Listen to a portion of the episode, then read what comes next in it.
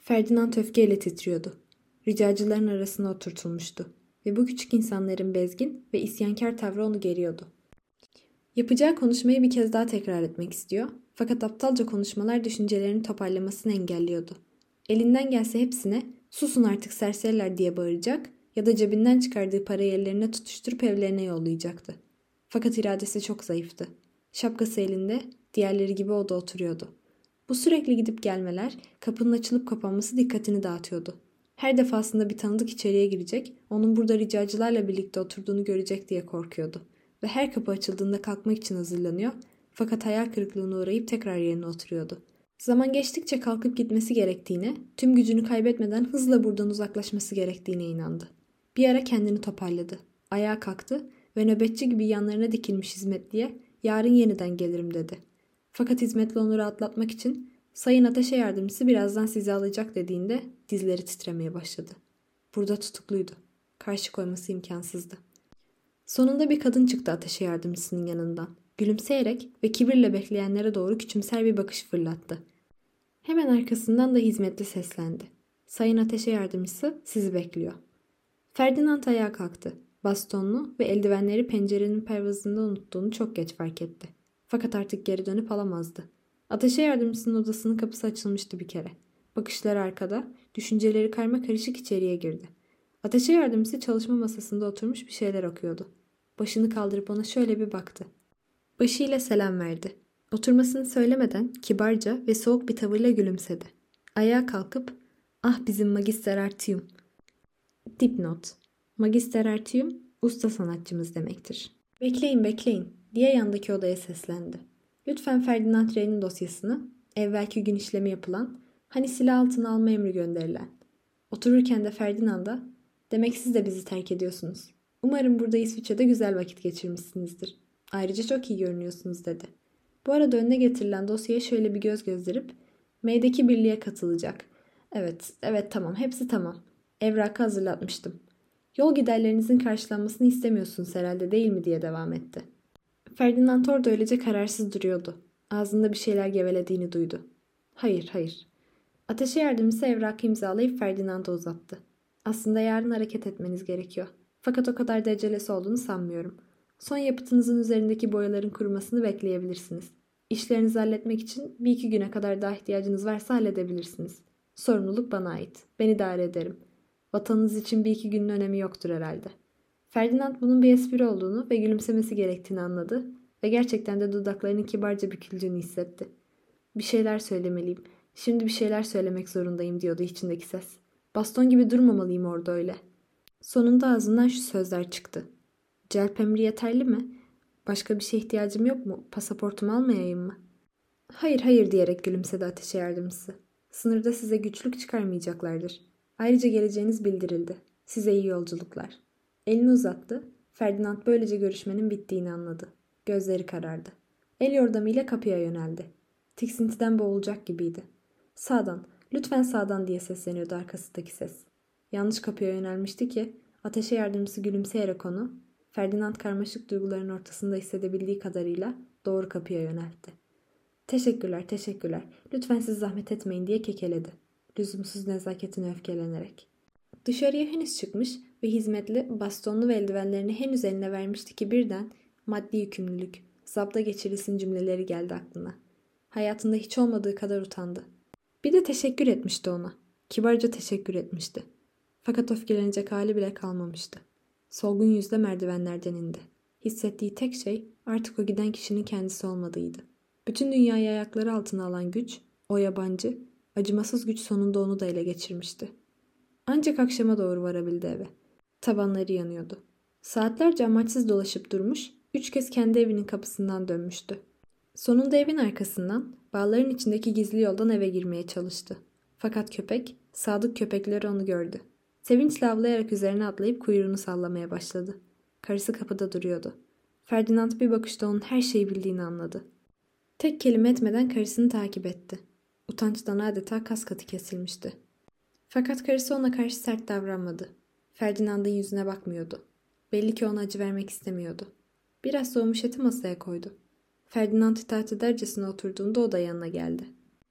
Ferdinand dedi. Sesi çok titriyordu. Sen hastasın. Şimdi seninle konuşulmaz. Niyetim seni suçlamak değil. Sen kendi iradenle davranmıyorsun. Ve ben ne kadar ızdırap çektiğini hissediyorum. Tek bir konuda bana söz vermeni istiyorum. Benimle konuşmadan herhangi bir şey yapmayacaksın. Ferdinand susuyordu. Karısının sesi gittikçe yükseldi. Ben bugüne kadar senin özel işlerine hiç karışmadım. Kendi kararlarını özgür iradenle vermeni istedim hep. Fakat şimdi sadece kendi hayatınla değil, benim hayatımla da oynuyorsun. Mutluluğumuz için yıllarca uğraştık ve ben onu senin gibi devlete, cinayete, senin kibrine ve zayıflığına kurban etmeyeceğim. Hiç kimseye vermeyeceğim. Duyuyor musun? Hiç kimseye. Sen onların karşısında acizsen de ben değilim. Ben neler olduğunu farkındayım. Ve pes etmeyeceğim. Ferdinand hala susuyordu. Onun suçunun bilincinde bir köle gibi susması yavaş yavaş karısını iyice öfkelendirdi. Ben hiçbir şeyi bir yazı parçasına kurban etmeyeceğim. Sonunda öldürmek olan hiçbir yasayı tanımıyorum. Herhangi bir makamın bana boyun eğdirmesine izin vermeyeceğim. Siz erkekler hepiniz ideolojileriniz yüzünden çürümüşsünüz. Sizler politika ve etik diyorsunuz. Oysa biz kadınlar neyin ne olduğunu hissediyoruz. Vatanın ne demek olduğunu ben de biliyorum. Fakat bugün ne anlama geldiğini de biliyorum. Cinayet ve esaret. İnsan bir halkın üyesi olabilir. Fakat halkı çıldırdığında kendisinin de çıldırması gerekmez. Sen onlar için bir rakamdan, bir sayıdan ibaretsin. Bir alet, anlamsızca ve vicdansızca ölüme gönderilen bir askersin yalnızca. Oysa benim için kanlı canlı bir insansın.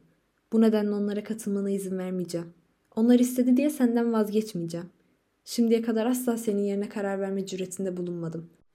Fakat şimdi seni onlardan korumak benim görevim. Şimdiye kadar aklı başında ne yaptığını bilen bir insandın. Oysa şimdi dışarıdaki milyonlarca kurban gibi özgür iradesini kaybetmiş, ne yaptığını bilmeyen, yalnızca kendisine söylenen emirleri yerine getirmeye çalışan, bozuk ve hatta paramparça olmuş bir görev makinesisin. Seni kullanmak, istediklerini yaptırabilmek için aklını ele geçirdiler. Fakat beni unuttular. Ben bugün hiç olmadığım kadar güçlüyüm. Ferdinand anlaşılmaz bir şekilde susuyordu. Ne başkalarına ne de karısına karşı direnç gösterecek durumdaydı. Paula savaşmaya hazırlanan biri gibi ayağa kalktı. Sesi sert, katı ve gergindi. Konsoloslukta sana ne dediler? Bilmek istiyorum. Aslında bu bir emirdi. Ferdinand yorgun bir şekilde kağıdı çıkarıp karısına uzattı. Paula kaşlarını çatarak okudu yazıyı. Dişlerini sıktı. Sonra da aşağılarcasına kağıdı masanın üzerine fırlattı. Beyefendilerin acelesi var anlaşılan. Hemen yarın istiyorlar. Sen muhtemelen bir de teşekkür etmişsindir onlara. Hazır ola geçip topuk selamı vermişsindir itaatkar bir şekilde. Yarın birliğinize katılın. ihmal etmeyin. Daha doğrusu bir köle gibi kabullenmişsindir. Hayır, o kadar uzun boylu değil. O kadar da değil. Ferdinand kalktı. Yüzü solgundu. Eliyle sıkıca koltuğa tutunuyordu. Paula, kendimizi kandırmayalım. Buraya kadarmış. Bundan kurtuluş yok. Karşı koymaya çalıştım ama olmadı. Ne yapalım? Ben bu kağıt parçası kadarım işte. Bu kağıdı yırtsam da atsam da ben oyum. İşimi daha da zorlaştırma. Hem burada da özgür olamayacaktım. Her saat öbür taraftan bir şeylerin bana seslendiğini, beni aradığını, beni kendine çektiğini, sürüklediğini hissedecektim. Oysa öbür tarafta her şey benim için daha kolay olacak. Esaretin içinde de bir özgürlük vardır nasılsa. İnsan kendini kaçak hissettikten sonra hiçbir yerde özgür değildir. İçeride ya da dışarıda olmuş hiç fark etmez. Hem sonra neden en kötüsünü düşünüyoruz ki? Onlar beni ilkinde geri göndermişlerdi. Neden şimdi de göndermesinler? Belki de bana silah vermezler. Hatta ben sıradan basit bir görev vereceklerine eminim. Neden hemen en kötüsünü düşünüyoruz? Belki hiç de o kadar tehlikeli değildir. Belki de şansım yaver gider. Paula'nın tavrı değişmedi. Önemli olan bu değil Ferdinand. Sana kolay ya da zor bir görev vermeleri değil önemli olan. Tam tersine nefret ettiğin bir görev kabul edecek misin? Etmek zorunda mısın? Etmeyecek misin? Aksini düşünmene rağmen dünyanın işlediği bu en büyük suça ortak olacak mısın? Olmayacak mısın? Çünkü itiraz etmeyen, karşı koymayan herkes suç ortağıdır. Ve sen itiraz edebilirsin. Bu yüzden itiraz etmek zorundasın. Karşı koymak zorundasın. İtiraz edebilir miyim gerçekten? Karşı koyabilir miyim? Hiçbir şey yapamam. Artık hiçbir şey yapamam. Eskiden beni güçlü kılan her şey, bu saçmalıklara karşı duyduğum tiksintim, nefretim, öfkem şimdi beni eziyor, mahvediyor. Lütfen bana acı çektirme. Senden rica ediyorum. Bana işkence etme. Bana bunları söyleme. Ben hiçbir şey söylemiyorum. Asıl sen onların yaşayan bir insan üzerinde hakları olmadığını kendine söylemeli, kendini inandırmalısın. Hak, hukuk. Bugün dünyanın neresinde hak kaldı? İnsanlar onu katletti. Herkesin hakları var. Fakat onların, onların gücü var. Ve bugün güç demek, her şey demek. Neden onların gücü var? Çünkü bu gücü onlara siz veriyorsunuz. Ve sizler korkak olduğunuz müddetçe onların gücü hep olacaktır. Tüm bunlar yani insanlığın bugün korkunç dediği her şey yeryüzündeki on insanın iradesinden ibaret. Ve on insan bunu yeniden yakıp yok edebilir. Bir insan, yaşayan tek bir insan onlara karşı durarak bu gücü yerle bir edebilir. Fakat sizler boyun eğdiğiniz, belki paçamı kurtarabilirim dediğiniz müddetçe, onları can evinden vurmak yerine onlara itaat ettiğiniz müddetçe sizler sadece bir kölesiniz ve bunu da hak ediyorsunuz demektir. Erkek dediğin çaresizce boyun eğmez. Hayır demek zorundadır. Bugün yerine getirmek zorunda olduğunuz tek görev budur. Hayvan gibi kendini öldürtmek değil. Fakat Paula, ne düşünüyorsun? Ne yapmalıyım? İçinde bir şeyler hayır diyorsa sen de hayır demelisin. Biliyorsun, ben senin hayatını, özgür bir insan olmanı, mesleğini seviyorum. Fakat bugün bana benim öbür tarafa gitmem ve silahımla hak aramam lazım dersen ve ben bunu gerçekten yapmak zorunda olduğuna inanırsam o zaman sana git derim. Fakat bir yalan uğruna kendim bile inanmadığım bir şey için sadece güçsüz ve korkak olduğun için arada kaynayıp kurtulurum umuduyla gideceksen o zaman seni hor görürüm. Evet seni hor görürüm. İnsanlık adına gideceksen, inandığım bir şey uğruna gideceksen seni tutmam. Fakat canavarlar içinde bir canavar, köleler içinde bir köle olmak için gitmek istiyorsan karşında olurum. İnsan bir amaç uğruna kendinden vazgeçebilir. Fakat başkalarının çılgınca fikirleri uğruna değil. Bırak vatan için ona inananlar ölsünler. Paula. Ferdinand gayri ihtiyarı ayağa fırladı. Çok mu açık konuşuyorum?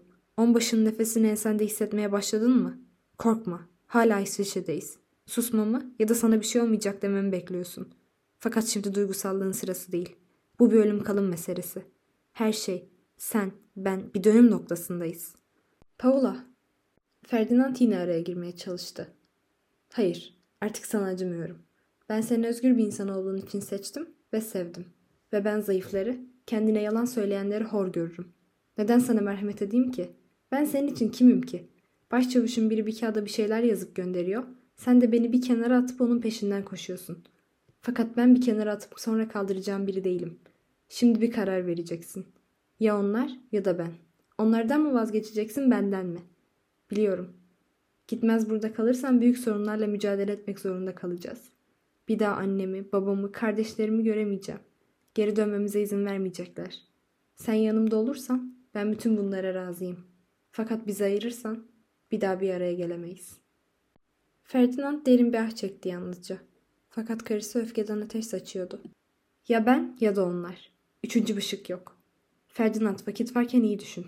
Bugüne kadar çocuğumuz olmadığı için çok üzülmüş, çok acı çekmiştim. İlk defa çocuğum olmadığı için seviniyorum. Zayıf iradeli bir adamdan çocuk istemem. Savaş yetimi bir çocuk büyütmeyi de. Şimdiye dek hiç bugünkü kadar arkanda durmamıştım. Zira hayatı senin için zorlaştırıyorum. Fakat söylüyorum sana. Bu öyle bir gidip bakayım, bir deneyeyim diyebileceğim bir şey değil. Bu bir deneme değil. Gidersen bu bir veda demek. Bu üniformalı katillere katılmak, onların peşinden gitmek için beni terk edeceksen bunun geri dönüşü yok. Ben seni canilerle, bu kan emici devletle paylaşmam. O ya da ben. Seçimini yap. Paula kapıya doğru gidip arkasından kapattığında Ferdinand orada durmuş hala titriyordu. Kapının çarpması dizlerinin bağını çözmüştü. Oturmak zorunda kaldı. Olduğu yere çaresiz biri gibi yığıldı. Başı bitkin bir şekilde sıktığı yumruklarının üzerine düştü. Sonunda dayanamadı, kendini bıraktı. Küçük bir çocuk gibi ağlamaya başladı. Paula bütün böyleden sonra odaya uğramadı. Fakat Ferdinand onun iradesinin düşmanca ve güçlenmiş olarak dışarıda kendisini beklediğini hissediyordu. Ve aynı zamanda göğsünün altındaki çelik çarkın kendisini tüm iradesine rağmen korkusuzca öne ettiğinin farkındaydı. Ferdinand bazen tek tek her şey hakkında düşünmeyi deniyor fakat düşünceler ondan kayıp uzaklaşıyor. Orada öylece donuk, hareketsiz ve görünürde düşünceli gibi otururken huzurundan geriye ne kaldıysa yakıcı bir gerginliğin içine akıp gidiyordu. O zaman hayatının insanüstü güçler tarafından iki tarafa çekiştirildiğini hissediyor ve tek bir şey arzu ediyordu. Tam ortadan bölünmek. Kendini oyalamak için masanın çekmecelerini karıştırdı. Mektupları yırttı ve tek kelime etmeden diğer şeylere baktı. Odanın içinde dolandı. Sonra yine oturdu. Huzursuzlanınca kalktı. Yorulunca oturdu. Ve birden ellerini yakaladı suçüstü. Bir seyahat için zorunlu eşyaları toplarken ve kanepenin altındaki sırt çantasını çıkarırken yakaladı ellerini. Gözlerini dikti ellerine. Her şeyi kendi iradesi dışında fakat olması gerektiği gibi hazırlayan ellerine dikti gözlerini. Sırt çantası hazırlanıp birden masanın üzerinde durduğunda titremeye başladı. Omuzlarında bir ağırlık hissetti. Sanki uzun zamandır bu çantayı taşıyordu. Sanki tüm zamanın yükü bu çantanın içindeydi. Kapı açıldı, karısı içeriye girdi. Elinde bir gaz lambası vardı. Lambayı masanın üzerine koydu. Lambanın yuvarlak, titrek ışığı masanın üzerindeki sırt çantasına vurdu. Karanlığın içine saklanmış kabahati lambanın aydınlığında ortaya çıkıvermişti. Ferdinand kekelemeye başladı. Sadece ne olur ne olmaz diye. Daha zamanım var ya ben... Fakat donuk, sert ve kas katı bir bakış sözcüklerin üzerine düşüp onları parçaladı. Paula dakikalarca bakışlarını ondan ayırmadı. Dişlerini sımsıkı dudaklarına geçirmişti. Hiç kıpırdamadan, sanki yeni ayılıyormuş gibi yavaşça sendeleyerek bakışlarını ona dikti. Dudaklarının çevresindeki gerginlik yok olmuştu. Fakat döndü. Omuzların üzerinden bir titreme geçti. Arkasına bakmadan kocasından uzaklaştı. Birkaç dakika sonra hizmetçi kız içeri girdi ve yalnızca Ferdinand'ın yemeğini getirdi. Her zaman Paula'nın oturduğu yanındaki yer boştu.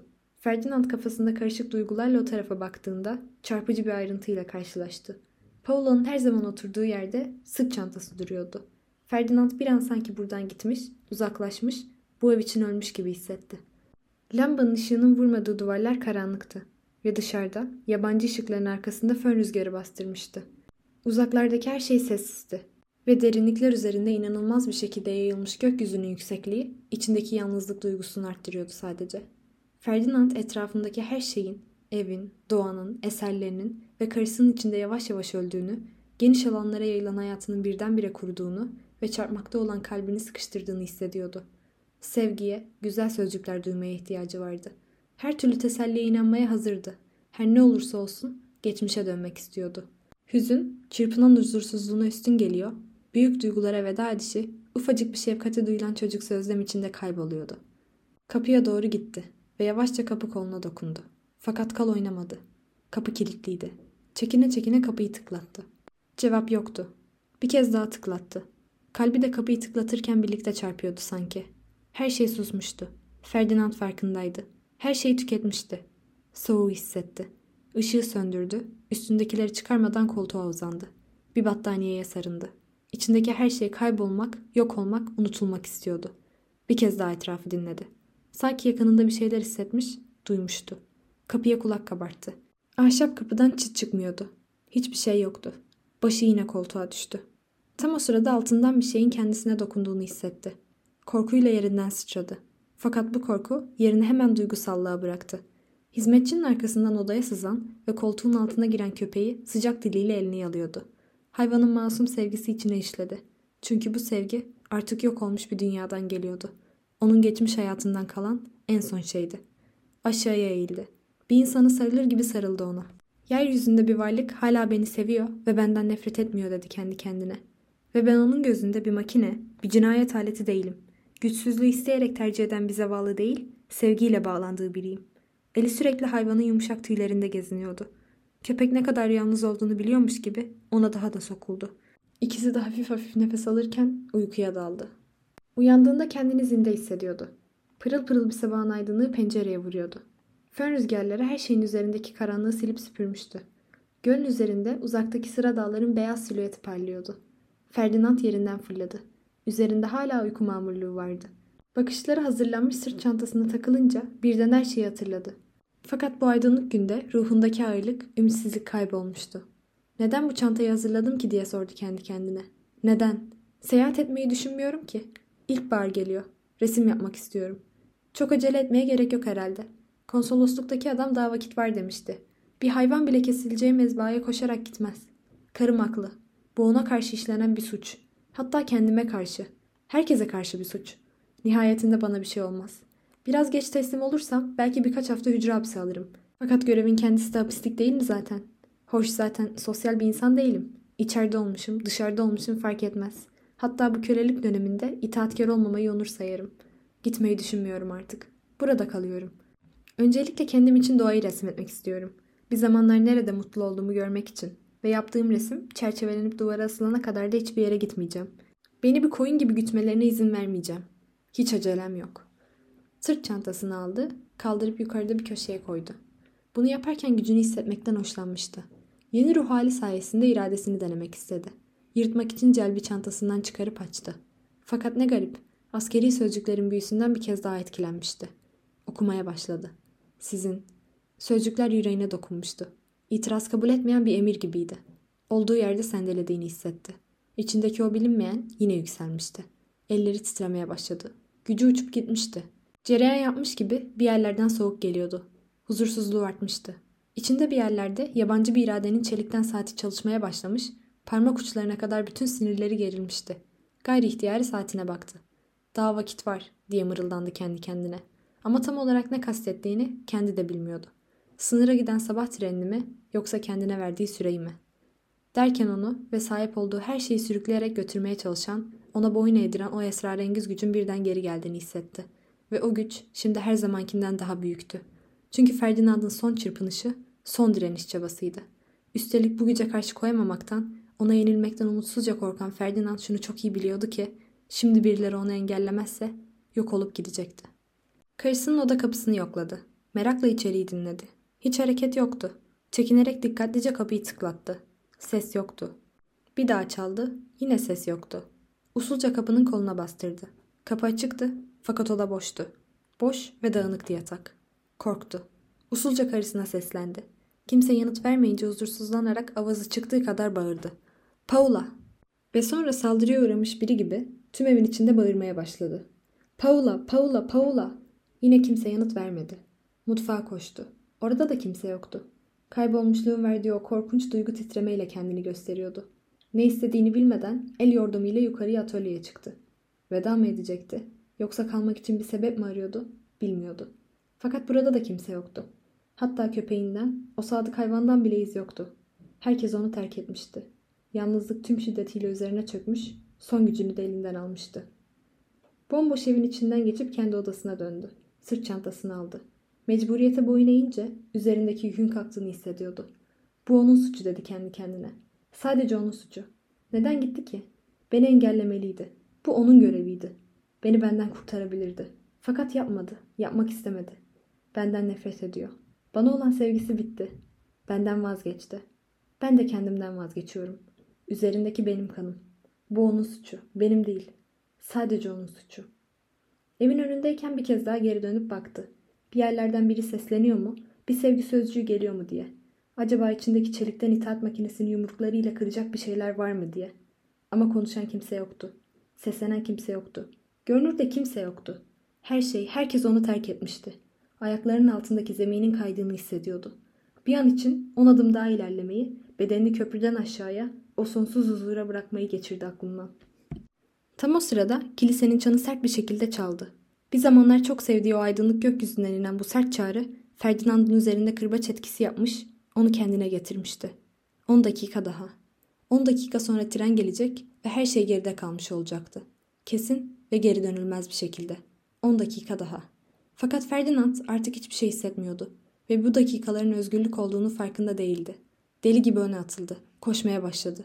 Sendeledi, durakladı, koştu. Soluk soluğa. Treni kaçıracağım korkusuyla deli gibi hızla. Gittikçe daha hızlı. Perona gelmeden hemen önce bariyerin önünde köşede duran birine neredeyse çarpıyordu. Birden korkuyla sıçradı. Sırt çantası titreyen ellerinden yere düştü. Karşısında karısı duruyordu. Solgun ve uykusuz görünüyordu. Kederli bakışlarını Ferdinand'a çevirmişti. Geleceğini biliyordum. Üç günden beri biliyordum. Fakat seni terk etmeyi aklımdan bile geçirmedim. Sabahın erken saatlerinden beri burada bekliyorum. İlk trenden beri bekliyorum. Ve son tren kalkıncaya kadar da bekleyeceğim. Ben nefes aldığım müddetçe sana dokunamayacaklar. Ferdinand bir düşün. Sen demedin mi daha zaman var diye? Neden bu acele? Ferdinand ona kararsızca baktı. Bu yalnızca ben geleceğimi bildirdim. Beni bekliyorlar. Kim bekliyor seni? Esaret ve belki de ölüm. Başka hiçbir şey beklemiyor seni. Uyan Ferdinand. Hisset lütfen. Sen özgürsün. Tamamen özgür. Hiç kimse seni istemediğin şeylere zorlayamaz. Hiç kimse sana emredemez. Duyuyor musun? Sen özgürsün. Özgürsün, özgürsün. Bunu sana bin kez söyleyeceğim. On bin kez söyleyeceğim. Her saat, her dakika özgür olduğunu sen de hissedinceye kadar söyleyeceğim. Sen özgürsün. Sen özgürsün, sen özgürsün. Lütfen, rica ederim dedi Ferdinand. Yanlarından geçen iki köylü meraklı meraklı arkalarına dönüp onlara bakarken öyle bağırarak konuşma. İnsanlar bakıyorlar. İnsanlar, insanlar. Bana ne insanlardan diye bağırdı karısı. Sen savaşta vurulup düştüğünde ya da eve sakat döndüğünde insanların bana ne faydası olacak? İnsanlar umurumda değil. Onların merhametinden, sevgisinden, minnettarlığından bana ne? Ben seni insan olarak, özgür bir insan olarak görmek istiyorum. Özgür ve canlı. Özgür olmanı istiyorum. Bir insana yaraşır biçimde özgür olmanı istiyorum. Ölüme koşan bir asker olarak değil. Paula. Ferdinand sinirden çılgına dönmüş karısını sakinleştirmeye çalıştı. Paula onu iterek kendinden uzaklaştırdı. O ödlek, aptal korkun da sen de benden uzak durun. Rahat bırakın beni. Ben özgür bir ülkede yaşıyorum. İstediğimi söylerim. Ben köle değilim. Senin de köle olmana müsaade etmeyeceğim. Ferdinand eğer gidersen kendimi trenin önüne atarım. Paula diyerek tekrar karısını tuttu. Paula'nın yüzü acı içindeydi. Hayır dedi. Sana yalan söylemek istemiyorum. Belki ben de korkak olacağım. Kocaları, çocukları kendilerinden sökülüp alınırken milyonlarca kadın da korkaktı. Hiçbiri yapması gerekeni yapmadı. Bizler hepimiz sizin korkaklığınızdan zehirlendik. Sen gidersen ben ne yapacağım? Ağlayacağım, inleyeceğim. Kiliseye koşup sana hafif bir görev vermeleri için Tanrı'ya yalvaracağım. Ve belki de gitmeyenlerle alay edeceğim. Öyle mi? Bu devirde her şey mümkün. Paula diyen Ferdinand karısının ellerinden tuttu. Gitmeye mecbur olduğum halde neden benim için her şeyi daha da zorlaştırıyorsun? Kolaylaştırayım mı? Hayır zorlaştırmalıyım. Sonsuzca zorlaştırmalıyım hem de.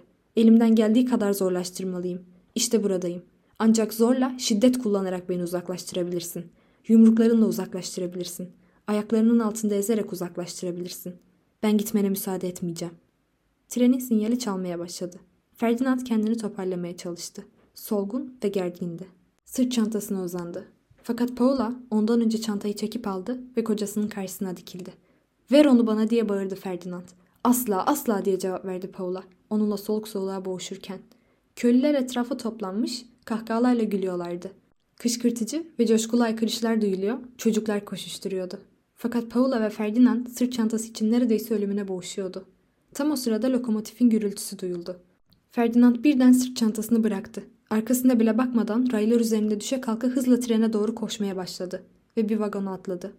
Etraf kahkahalar ve alkışlarla inliyor, köylüler sevinçle bağırıyorlardı. Uzaklaş kaç yoksa yakalayacak seni. Koş koş kaç yakalarsa dövecek seni diyerek onu coşturuyorlardı. Arkasından atılan kahkahalarla Ferdinand'ın utancı da artıyordu. Derken tren hareket etti. Paolo orada öylece kala kalmıştı. Elinde sırt çantası, etrafında kahkaha atan insanlar. Gittikçe uzaklaşan trene dikmişti gözlerini. Pencereden el sallayan, selamlayan kimse yoktu.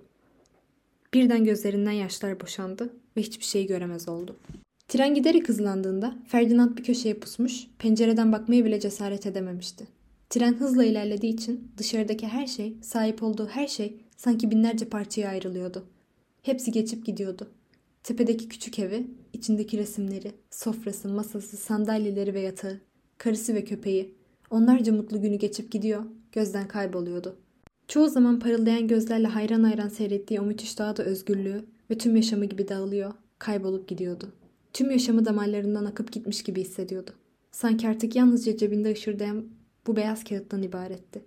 Onunla birlikte kaderin kötü işareti tarafından rüzgar gibi sürükleniyordu. Başına gelenleri tam olarak anlayabilmiş, idrak edebilmiş değildi. Kondüktör biletini görmek istedi. Bileti yoktu. Uykuda gezer gibi sınır bölgesine gideceği yeri söyledi.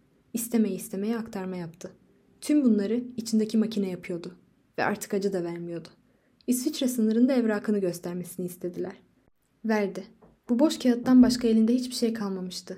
Sanki bazen içindeki kaybolmuşluk yavaş yavaş düşünmeye çalışıyor ve tıpkı rüyada gibi derinlerden mırıldanıyordu. Geri dön. Henüz özgürsün. Mecbur değilsin. Fakat kanında işleyen o makine, konuşmayan ancak sinirlerine ve tüm uzuvlarını hükmeden o makine, onu görünmeyen bir mecbursun öne doğru itiyordu. Ferdinand kendi ülkesine gideceği aktarma treninin duracağı peronda bekliyordu. Karşıda son derece donuk ışıkların altında, nehrin üzerinde bir köprü görülüyordu. Orası sınırdı. Uyuşmuş duyguları bu sözcüğün anlamını kavramaya çalışıyordu. Burada, bu tarafta insanların yaşamasına izin vardı. Buradaki insanlar nefes alabiliyor, özgürce konuşabiliyor, istediklerini yapabiliyor, ciddi işlere hizmet edebiliyorlardı. Ancak köprünün öte yanında, 800 metre ötede, tıpkı bir hayvanın iç organlarının çıkarılıp alınması gibi insanların istekleri, arzuları içlerinden sökülüp alınıyordu. İnsanlar orada yabancı insanlara itaat etmek ve hiç tanımadıkları yabancı insanların kalbine bıçak saplamak zorundaydı. Ve tüm bunların arasında iki girişin üzerinde on düzine ahşap kazık üzerine kurulmuş şu küçük köprü vardı. Her biri farklı renkli üniformalar giymiş iki adam da omuzlarında silahları orada durmuş köprüyü koruyorlardı. Anlayamadığı, ne olduğunu bilmediği bir şey Ferdinand'a acı veriyordu. Artık doğru düşünemediğinin farkındaydı. Bu bir parça ahşabın başında neyi koruyorlar, neyi engelliyorlardı?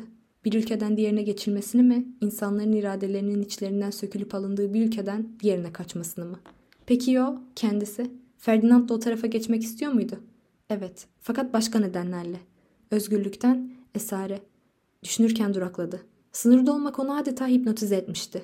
Sınırı somut olarak tüm duyularıyla gördüğünden beri, üniformalar giymiş canları sıkkın askerler tarafından korunduğunu gördüğünden beri kendi içindeki bir şeyleri tam olarak anlamlandıramaz olmuştu. Olayları değerlendirmeye çalıştı. Savaş vardı. Fakat savaş sadece karşı taraftaki ülkedeydi. Bir kilometre ilerideydi. Daha doğrusu bir kilometreden bile az, 800 metre ileride başlamıştı savaş. Hatta belki 800 metreden de 10 metre daha yakın bir mesafedeydi. İçinde delice bir istek uyandı.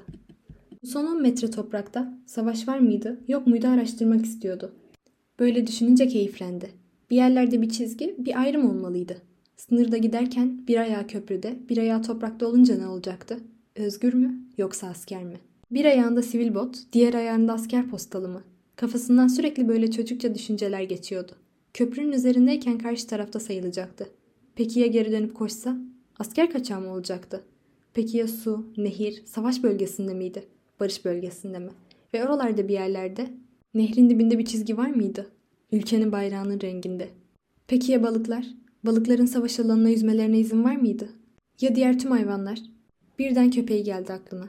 Köpeği kendisiyle gelseydi onu da silah altına alırlardı. O da kurşun yağmuru altında yaralıları aramak zorunda kalırdı. Tanrı'ya şükür evde kalmıştı. Onunla gelmemişti. Tanrı'ya şükür. Bunları düşününce kendisi de korktu, silkinip toparlandı. Sınırı kendi gözleriyle gördüğünden beri, bu köprünün ölümle yaşam arasında olduğunu anladığından beri içinde bir şeylerin harekete geçtiğini hissetti. Fakat harekete geçen makine değildi. İçindeki bir bilgi, bilinç, bir direnç de harekete geçen, uyanmak isteyen.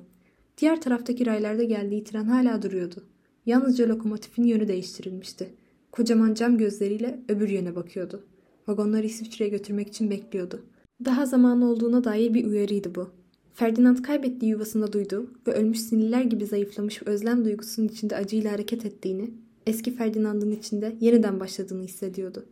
Karşıda, köprünün öbür tarafında yabancı giysiler içinde, ağır tüfeği omzunda, anlamsızca bir aşağı bir yukarı adımlayan bir asker görüyordu. Ve onun yansımasında da kendisini. Ancak şimdi farkına varıyordu yazgısının. Ve bunun farkına vardığından beri de kendi yok oluşunun. Ve yaşam çığlık atıyordu yüreğinde. Tam o sırada sinyaller çekiç gibi vurmaya başladı. Ve o sert vuruş Ferdinand'ın hala kararsız olan duygularını paramparça etti. Artık her şey bitmişti. Biliyordu. Bu trene binecek 3 dakika sonra yani 2 kilometre gittikten sonra köprüye varmış olacak. Köprüyü de geçtikten sonra her şey bitmiş olacaktı. Ve trene bineceğini biliyordu. Bir 15 dakika daha sonra sonra bu eziyetten içindeki çatışmadan kurtulmuş olacaktı. Kararsız öylece duruyor, başı dönüyordu. Fakat tren Ferdinand'ın titreyerek ve meraklı gözlerle baktığı yönden gelmiyordu. Tam aksine karşı taraftan, köprünün üzerinden geliyordu gürültülü bir şekilde. İstasyonun giriş salonu bir anda inledi. İnsanlar bekleme salonundan akın etti. Kadınlar bağıra çağıra birbirlerini iterek koşuyordu. İsviçreli askerler çabucak sıra oldular ve birdenbire müzik çalmaya başladı. Ferdinand müziği dinledi. Şaşırdı, kulaklarına inanamadı. Fakat yüksek sesle tanıdık bir şey çalıyordu. Marseles'ti bu. Düşmanın ulusal marşı Almanya'dan gelen bir trende. Tren gürültüyle yanaştı. Kesik kesik soludu ve durdu. İnsanlar akın etmeye başladılar. Vagonların kapıları açıldı. Soluk yüzlü insanlar çıktı dışarıya. Alev alev yanan gözlerinde kendinden geçmişliğin parıltısı vardı. Üniformalar içinde Fransızlar, yaralı Fransızlar, düşmanlar, düşmanlar. Ferdinand bunun mübadele için yaralı askerleri getiren, buradaki esaretten kurtulan, savaşın vahşetinden kurtulan askerleri getiren tren olduğunu anlayıncaya kadar geçen birkaç saniye içinde kendisini rüyadaymış gibi hissetti. Ve bunu buradaki herkes hissediyordu, biliyordu, hissediyordu. Nasıl da el sallıyor, sesleniyor ve gülüyorlardı. Bazılarına gülmek henüz acı geldiği halde. İçlerinden biri sendeleyerek, arada bir duraklayarak tahta bacağının üzerine doğruldu. Bir direğe tutunup bağırdı. La Suisse, La Suisse, disua beni. İsviçre, İsviçre. Tanrı'ya şükürler olsun. Hüngür hüngür ağlayan kadınları aradıklarını, sevdiklerini bulmak için bir pencereden diğerine koşuyorlar. Bütün sesler, haykırışlar, hıçkırıklar, çığlıklar birbirine karışıyordu. Herkes sevinçten sarhoş olmuş gibiydi. Müzik sustu. Dakikalarca çığlık atan, haykıran insanların herkesi etkileyen duygu selinden başka bir şey duyulmadı. Sonra bir sessizlik oldu. Sevinçlerini ve özlemlerini sessizce paylaşan, heyecanlı heyecanlı konuşan insanlar küçük küçük gruplar oluşturdu. Birkaç kadın hala oradan oraya koşuşturuyordu. Hemşireler yaralı askerleri teselli ediyor, onlara hediyeler veriyordu. Ağır yaralılar sedyelerle taşınıyordu. Beyaz çarşaflar içinde solgun görünüyorlardı. Etrafları şefkatle, ihtimam gösteren insanlarla sarılıydı. Tüm felaket ve sefalet ete kemiğe bürünmüştü. Kollarını kaybetmişler, bir deri bir kemik kalmışlar, vücudunun yarısı yanmışlar, bir gençlikten geriye kalan bakımsız, tıraşsız, harap olmuş, yaşlanmış yüzler. Fakat hepsinin gözlerinde bir parıltı vardı. Hepsi kutsal yolculuğunu tamamlamış hissediyordu. Ferdinand bu beklenmedik kafileyi görünce felce uğramış gibi orada öylece kala kaldı. Evrakının altındaki yüreği göğsünden fırlayacakmış gibi çarpmaya başlamıştı. Diğerlerinin dışında yalnız, başında bekleyen olmayan bir sedye gördü. Ağır ve kararsız adımlarla bu yabancı sevincin arasında unutulan yaralının yanına gitti. Dağınık, bakımsız sakalının altındaki yaralı yüzü kireç gibi bembeyazdı. Yaralı kolu felçli gibi sedyeden sarkıyordu. Gözleri kapalı, dudakları solgundu. Ferdinand titredi. Sedyeden sarkan kolu yavaşça acı içindeki göğsünün üzerine koydu. Tam o sırada bu yabancı insan gözlerini açtı. Ona baktı. Sonsuz uzaklıktan, meçhul azaptan minnettarlıkla bir gülümseme belirdi yüzünde ve selamladı Ferdinand'ı. İşte o an titremekte olan Ferdinand'ın beyninde bir şimşek çaktı. Bunu mu yapacaktı? O da insan onurunu böyle mi ezecekti? İnsan kardeşlerinin gözlerine böyle nefretle mi bakacaktı? Kendi özgür iradesiyle bu büyük insanlık suçuna ortak mı olacaktı?